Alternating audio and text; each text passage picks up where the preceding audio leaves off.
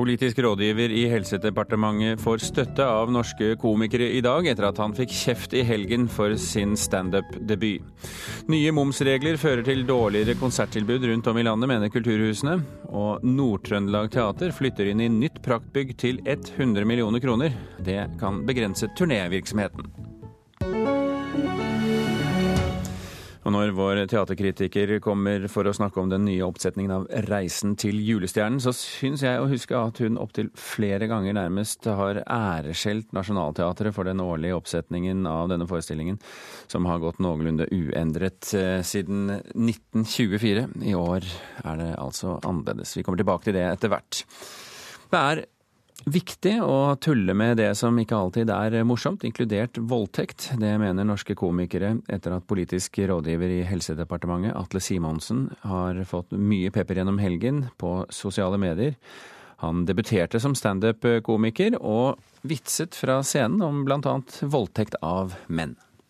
Det er stadig flere menn som anmelder voldtekt. Voldtekt begått av damer.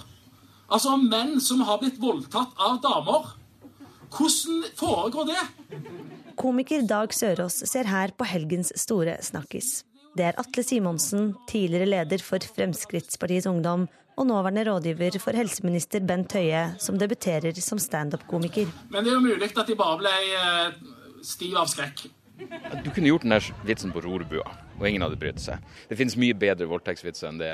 Er det greit å tulle med det, da? Ja, absolutt. Alt er greit å tulle med.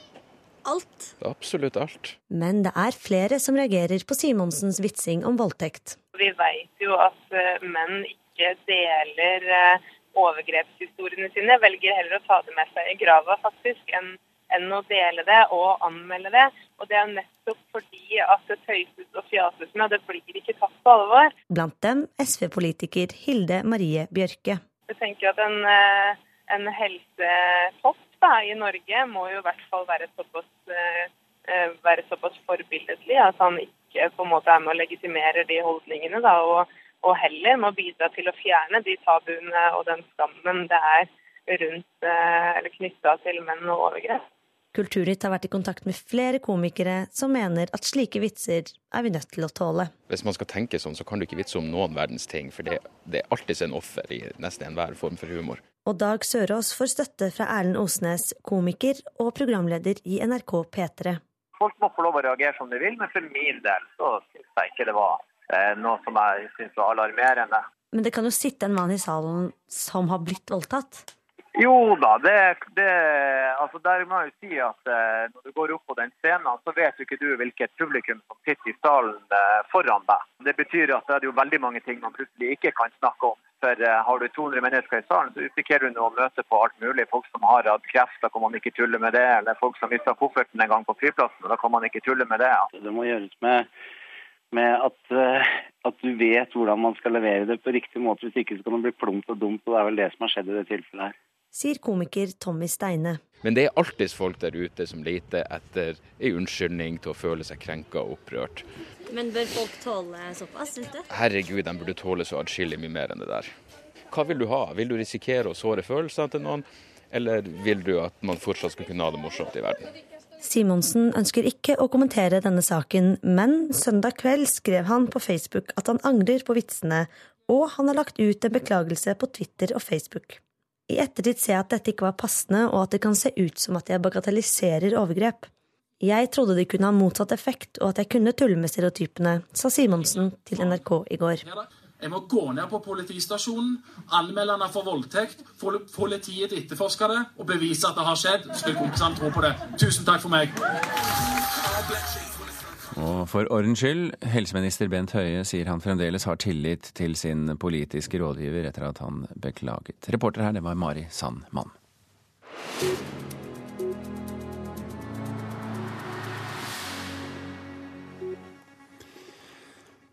Kollega Espen Alnes, du har lest dagens aviser for oss og kan melde om fortsatt gode priser på Munch-malerier. Ja, det er 'Pikene på broen' som nå skal selges på en auksjon hos Sotheby's i New York nå i november. Selgeren er anonym og kjøpte bildet på samme sted for åtte år siden. Det melder Dagens Næringsliv. Prisantydninga er på over 50 millioner dollar, eller rundt 410 millioner kroner. Da Petter Olsen solgte 'Skrig' i 2012, gikk det for 120 eh, millioner dollar. Mm. Den utgava av 'Pikkene på broen' har tidligere vært stilt ut på museum som Tate Modern i London og eh, Guggenheim i New York. Ja, På sett og vis eh, så får den et nytt liv, og vi skal fortsette på nye liv. Velkommen til Oliver Hageby. If you can make it here, you can make it anywhere. Var det treg fordøyelse, var det det? Nei.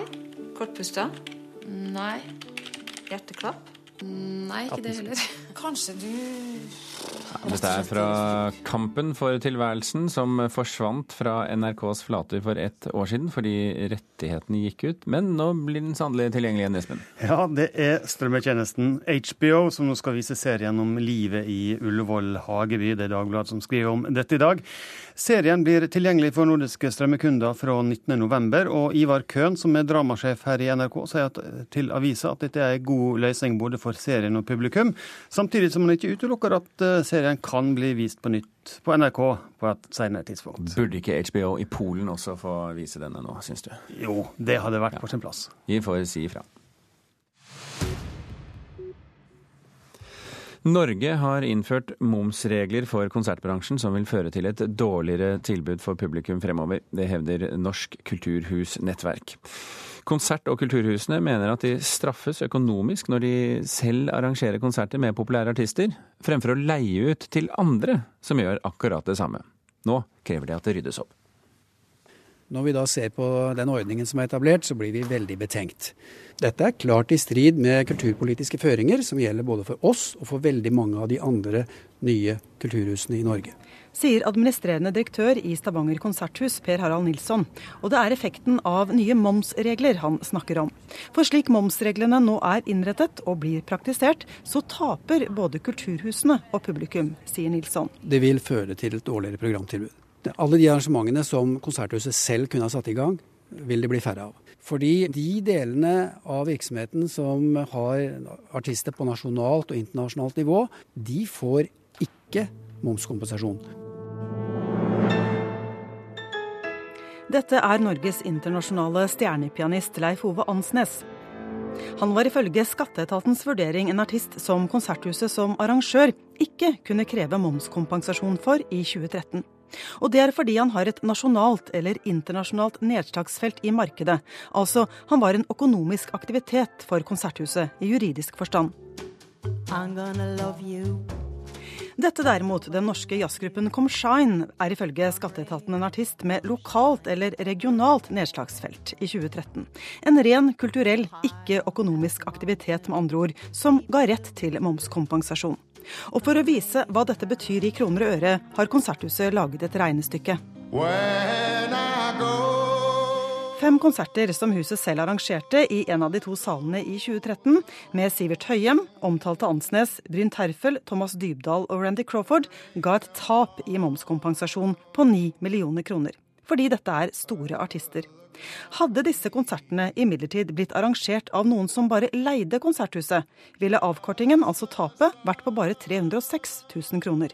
Det vil jo si at den nye ordningen den favoriserer utleiemodellen med over 2000% sammenlignet med den aktive arrangørmodellen. Men hvorfor kan man ikke bare drive med utleie? Hva Betyr det noe for publikum? I Stavangers tilfelle så ville jo de fleste av de konsertene vi her snakker om, aldri kommet til Stavanger. De ville ikke blitt arrangert. Vi opplever jo at Skattedirektoratet eh, ser bort fra eh, Europakommisjonens veileder, eh, og har innført to prinsipper som, som gjør at saken ikke er, er, løst for kulturhusene. Sier daglig leder i Norsk kulturhusnettverk, Nina Marie Hodneland, på vegne av 124 kulturhus i Norge. Men Skattedirektoratet er uenig, og sier i en e-post til NRK at praktiseringen er i tråd med både Finansdepartementets og EUs direktiver. Nå mener både Kulturhusnettverket og norske konsertarrangører at svaret er å komme seg bort fra disse unntaksbestemmelsene, og i stedet innføre lavmoms på konsertbilletter, sier Hodneland. Slik at man eh, sidestilles med kino, museer, opplevelsessentra. Det vil gi en likebehandling som vil faktisk løse denne, dette problemet. Vi har anmodet eh, Stortingets familie- og kulturkomité om at det i behandlingen av statsbudsjettet tas initiativ til at det igangsettes et lovarbeid.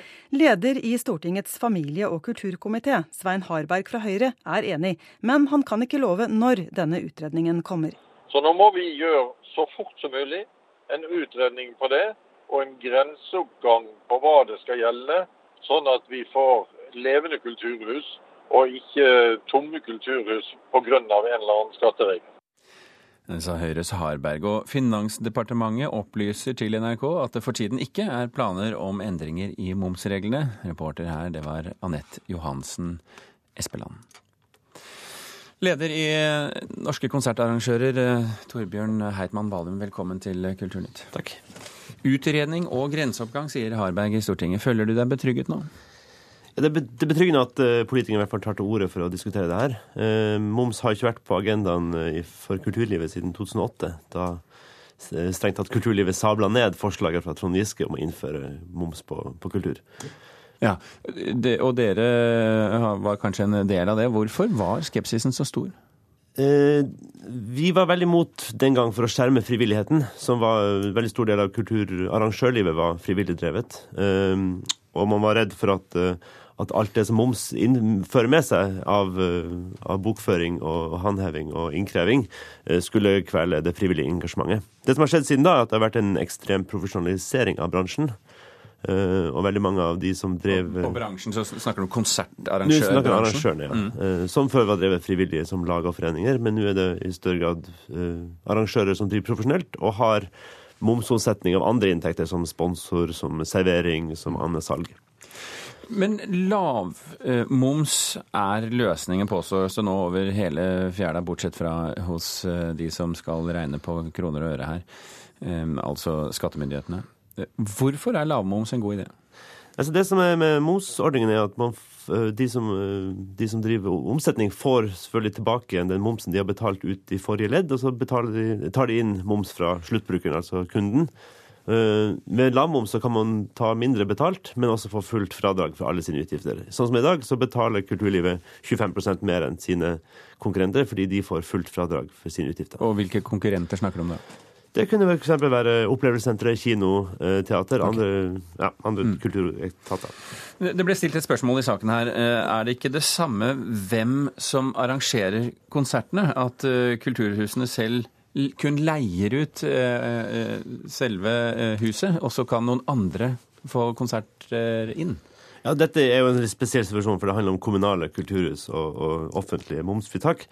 Men ved å ut, drive utleie så mister jo da kulturhusene den kunstneriske vurderingen av sitt eget program. Og man blir bare en arena der andre kan komme inn. Og jeg tror at man mister helheten til tilbudet til publikum.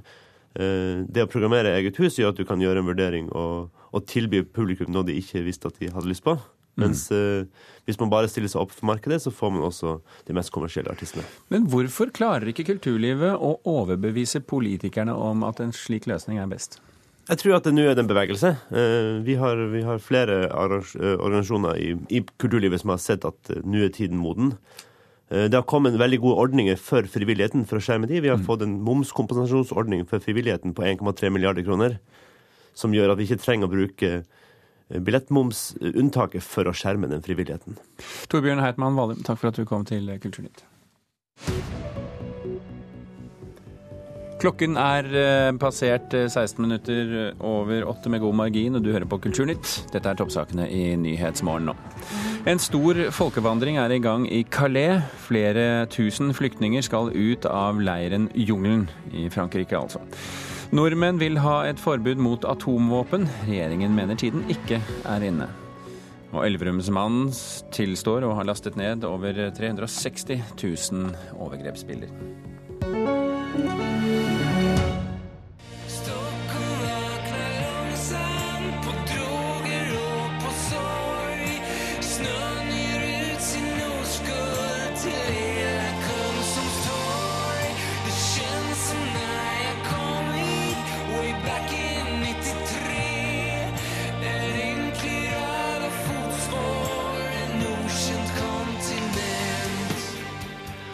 Dette var, etter mange menings, det største bandet Skandinavia hadde på 2000-tallet, Kent. Og dette var låta Columbus. Denne helgen har fansen tatt farvel med bandet på to avskjedskonserter i Oslo.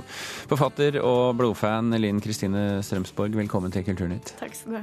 Du var på begge konsertene du i helgen, både lørdag og søndag. Hvorfor, eh, hvorfor holdt det ikke med én?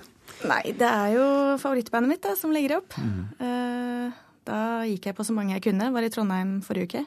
det var såpass. Hvordan var det? Jeg var veldig fornøyd, jeg. Eh, og veldig trist. Eh, ja, rett og slett. Hva er det som er spesielt med Kent for deg? Jeg veit ikke. Det var liksom det bandet jeg fant da jeg var 14. Og så har de vært med siden. Jeg regner ut at jeg har vel vært på én konsert i året siden jeg var 16. Eh, det blir veldig rart å ikke skulle på en neste år. Du er jo såpass fan at du valgte å ta med nyheten om at de legger opp i din nye roman. Eh, hva, hva, er, eh, hva er, det ved denne saken som er en god ramme for en roman? Um, nei, det var litt tilfeldig også, fordi selve romanen var egentlig nesten ferdig da nyheten kom i mars. Um, den handler om en jente som uh, sliter litt, da. En liten livskrise. Uh, hun har uh, fått angst. Og så syns jeg det bare var så både fint og trist at favorittbandet hennes også legger opp. For dette er jo hovedpersonen fra min forrige bok, 'Furuset', Eva, som vi følger. Så ja, kunne ikke la sjansen gå fra meg. Musikkanmelder i Aftenposten, Robert Hoftun Gjestad, velkommen, Gjestad, velkommen til deg òg. Takk, takk. Du har gjort mange mennesker trist og lei seg denne helgen. Du skrev i anmeldelsen din etter å ha overvært lørdagens konsert at dette ikke holder. Hva tenkte du da? ja, det kan du lure på. Det jeg har vært litt reaksjoner, selvfølgelig. Det er jeg som regel når du, når du eh, skriver en eh, litt negativ omtale av et band som veldig, veldig mange elsker. Jeg kunne skrive noe annet etter den opplevelsen jeg hadde i, av, av, bandet. Men, hvilket forhold har du selv personlig til Kent fra du, før? Jeg har hørt utrolig mye på Kent.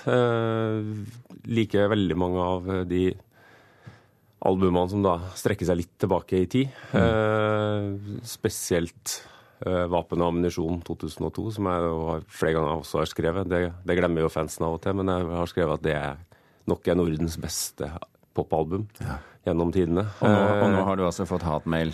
Ja, jeg har fått noen, men det går fint. Ikke så mange som når jeg ga tre til Bob Dylan for noen måneder siden. Nei. Hva, som, hva var det som var problemet med Kent, slik de fremsto nå på avslutningskonsertene? Altså, de fremsto jo for så vidt litt sånn som de har gjort de siste årene. De spiller veldig mye nytt materiale. En del låter som, som jeg personlig for så vidt ikke har så stort forhold til. Problemet med det i den settingen her syns jeg er at, at, de inviterer da, til en farvelkonsert. En avskjedsturné. Det, det, er veldig lagt opp rundt at det er siste gang og bandet dør. og altså, De annonserte jo med en dødsannonse, blant annet. Mm. Jeg syns det forplikter litt i forhold til altså, altså, hvordan låter du velger å spille. Jeg skjønner at bandet er glad i sitt siste albumet sitt, men at de da velger å spille sju låter fra det og så færre av, av, den gamle historien. Når du har invitert til et farvel, det, det syns ikke jeg blir helt riktig. Plaga det deg også, Strømsborg? Nei, uh, dette var den eneste sjansen til å få høre det nye live. Så, uh, og med tanke på at de vel, jeg tror de spilte 24 eller 25 låter, så syv er jo under halvparten. Du nevnte det så vidt i stad, um, at eh, Kent har vært toneangivende i skandinavisk rockehistorie. Hva er det spesifikt ved dette bandet som har gjort dem store? Eh, det er nok, det er nok blandinga av tekst og melodi, heldigvis, da, i det her. Altså, men det, han treffer jo enormt med de tekstene sine, eh, Joakim Berg. Altså, han, han skriver jo ofte relativt personlige ting om, om, om vanskelige ting. Altså om, om, usikkerhet og om dødsangst og om eh, kjærlighetstrøbbel og sånn, som, som tydeligvis treffer, treffer, veldig godt. Og så eh, bærer også på en sånn samfunnskritikk av, av spesielt Sverige, eh, som jo også treffer på den andre måten. Så, og, og så Tidvis så pakker de, pakker de, det jo inn i helt fantastiske popmelodier. Eh, Spesielt når de da går i bare tre-fire minutter, og ikke i sju-åtte, som eh, litt for mange av dem gjør eh, i det siste. da. Strømsborg, det er jo, eh, rockehistorien er jo full av band som tar farvel og slutter og legger opp, og så gjør de ikke det likevel. Har du forventninger med å se Kent igjen? Jeg har faktisk ikke det. Uh, Du tror det er slutt? Jeg tror det er slutt. Jeg syns de gjør det så ordentlig. Uh, de er Jeg på gjorde denne- a-ha også. Ja, ja. Uh, hadde de dødsannonse? Nei, Hadde de dødsannonse? Det det er det Men, det står og eh, faller på. Nei, men jeg tenker at sånn, det- å liksom legge opp og gjøre det sånn som Kent, blir jo som hvis en kjæreste slår opp og så kommer tilbake uka etterpå. Eh, Det er ikke snilt, men jeg vil vurdere å tilgi hvis de skulle dukke opp. Hvis det er en bra kjæreste. Ja, absolutt. Og det har Kent vært. Det må man si. Tusen hjertelig takk, Linn Kristine Strømsborg og eh, Robert Hoftun Gjestad, for at dere var med i Kulturnytt.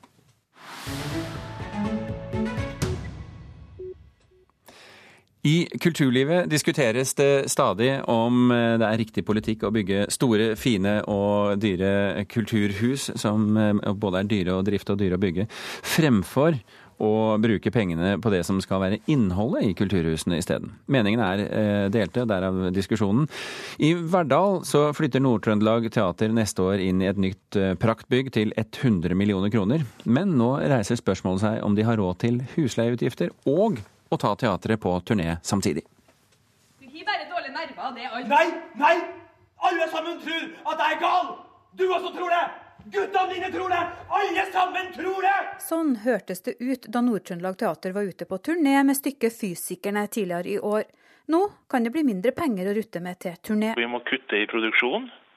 Og så må vi bruke noe av opptjent egenkapital. Har dere så mye egenkapital å ta av? Nei, vi har ikke så mye egenkapital å ta av, og noe av egenkapitalen må vi bruke også til eh, å anskaffe en del inventar i nybygget. Så det blir et tøft første år i nytt teaterbygg? Det blir et tøft eh, år, men eh, det at produksjonen går ned, det vil jo også henge sammen med at det tar jo litt tid å kjøre seg inn i et nytt hus også. Styreleder Kjell Fosse i Nord-Trøndelag Teater er ærlig på at utfordringene er store.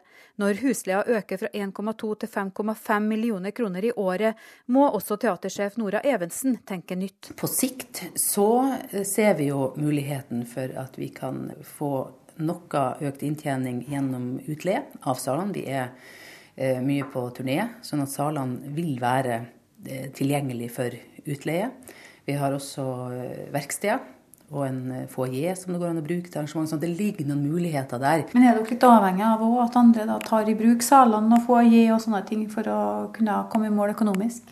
Ja, til en viss grad så er, vi, så er vi avhengig av det. Og det tror jeg også er veldig positivt. Jeg tenker at det er, en veldig, det er et positivt tilskudd til kommunen og til miljøet rundt at det finnes flere muligheter for å drive med kulturell aktivitet. Men de er et turnéteater, og forventer at området nå utvides kraftig. For om kort tid er det ikke lenger eid av Nord-Trøndelag fylkeskommune, men av et samla trøndersk storfylke. Da vil jo si at de som bor på Oppdal og i Åfjorden har like mye krav på besøk fra teatret. Og jeg tenker jo at hvis man skal drive god kulturpolitikk i Norge, så er, det, så er det også sånn det skal være. Dette er en strategi som krever mer penger på bordet. Så lenge vi er et teater som skal eies av en hel av nye fylke, så vil jo det være unaturlig at, eh, at turnévirksomheten bare skal foregå i én del av fylket. Tror du at det i seg selv gjør at det vil dryppe noen flere millioner på teatret? Det håper vi, men vi ønsker nå da å gå en dialog med den nye eieren og få eksempel få vite da er, hvilke krav og forventninger og ikke minst hvilket ambisjonsnivå har de for teatret. Og reporter i Trøndelag, det var og er Grete Tobro. Vi skal holde oss til teatret litt til, fordi den for mange kjente og kjære teaterforestillingen 'Reisen til julestjernen' vises i ny og moderne innpakning nå ved Nationaltheatret denne høsten. Endelig, sier vår teaterkritiker.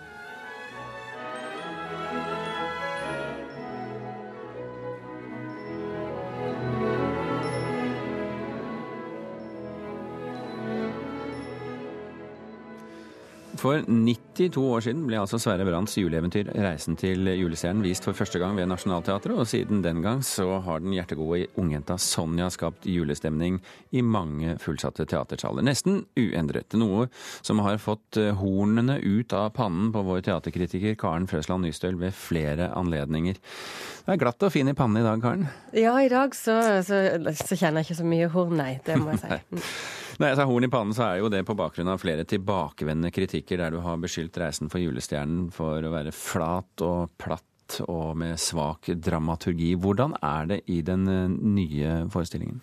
Altså Min kritikk har mest av alt gått på, på det med flate karakterer og karikerte karakterer. Det, jeg syns ikke det er så interessant å lage teater om den slemme slemmingen og den teite teitingen og den snille snillingen, og det er det. Og sånn syns jeg mange produksjoner av 'Reisen til julestjernen' har vært. Men det er dette som er endra nå. Jeg opplever i hvert fall en stor endring hos den bitre kongen, hos den onde greven, og òg litt hos den snille Sonja. Det er en endring til det bedre. Noe av det første som skjer, det er at kongen sitter på VIP-tribunen um, på teatret. Og så bare knekker han sammen i gråt fordi han savner Sonja sånn. Og alles øyne bare rettes opp mot denne balkongen, og det slår innover oss et alvor. Kongen er faktisk lei seg. Han har det utrolig, utrolig vondt. Så kongen er bygd ut som karakter. Den onde greven, han er Altså, det var et barn som sa et eller annet sted der jeg satt, at han er egentlig Egentlig så vil han være snill. Inni seg så vil han det. Mm. Og da tenker jeg at når et barn sier det høyt, så har regissør Kjersti Horn klart å gjort noe med oppsetninga som viser oss en karakter som har fylde og bredde. Og det igjen gir den snille Sonja mer motstand. Gjør, det gjør henne sterkere. Og det gjør oppdraget og konflikten hennes mer dynamisk. Så dette er et eventyr som er mer å tro på enn det har vært før. Dette er veldig, veldig eh, annerledes enn forrige gang du anmeldte denne Ja, jeg har vært kjempesint, det må jeg bare si. Men hva, eh, eh, klarer da og det er jo det sentrale spørsmålet, selv om vi er i oktober. Stykket å, å skape julestemning. Altså klart, Å bli ønska god jul i oktober, det er jo bare til å le av. Men det er, feil, sånn, det. absolutt egnet til å skape julestemning. Ikke minst fordi scenografien, som òg har helt ny scenografi og kostyme, er så åpnende og så fint gjort, og mest av alt på barnas premisser. Det er så mange barn med i forestillinga. Det er 22 barn som spretter rundt og danser og er viktige aktører i forestillinga. De får en stor plass, og scenografien er fantastisk. Og da blir det en fin forestilling. Karen Frøsland Nystøyl, da blir det sikkert en fin jul også. Takk for at du anmeldte Reisen til julestjernen. Gjermund Jappé og Birger Kåss Jåsund takker for Kulturnytt.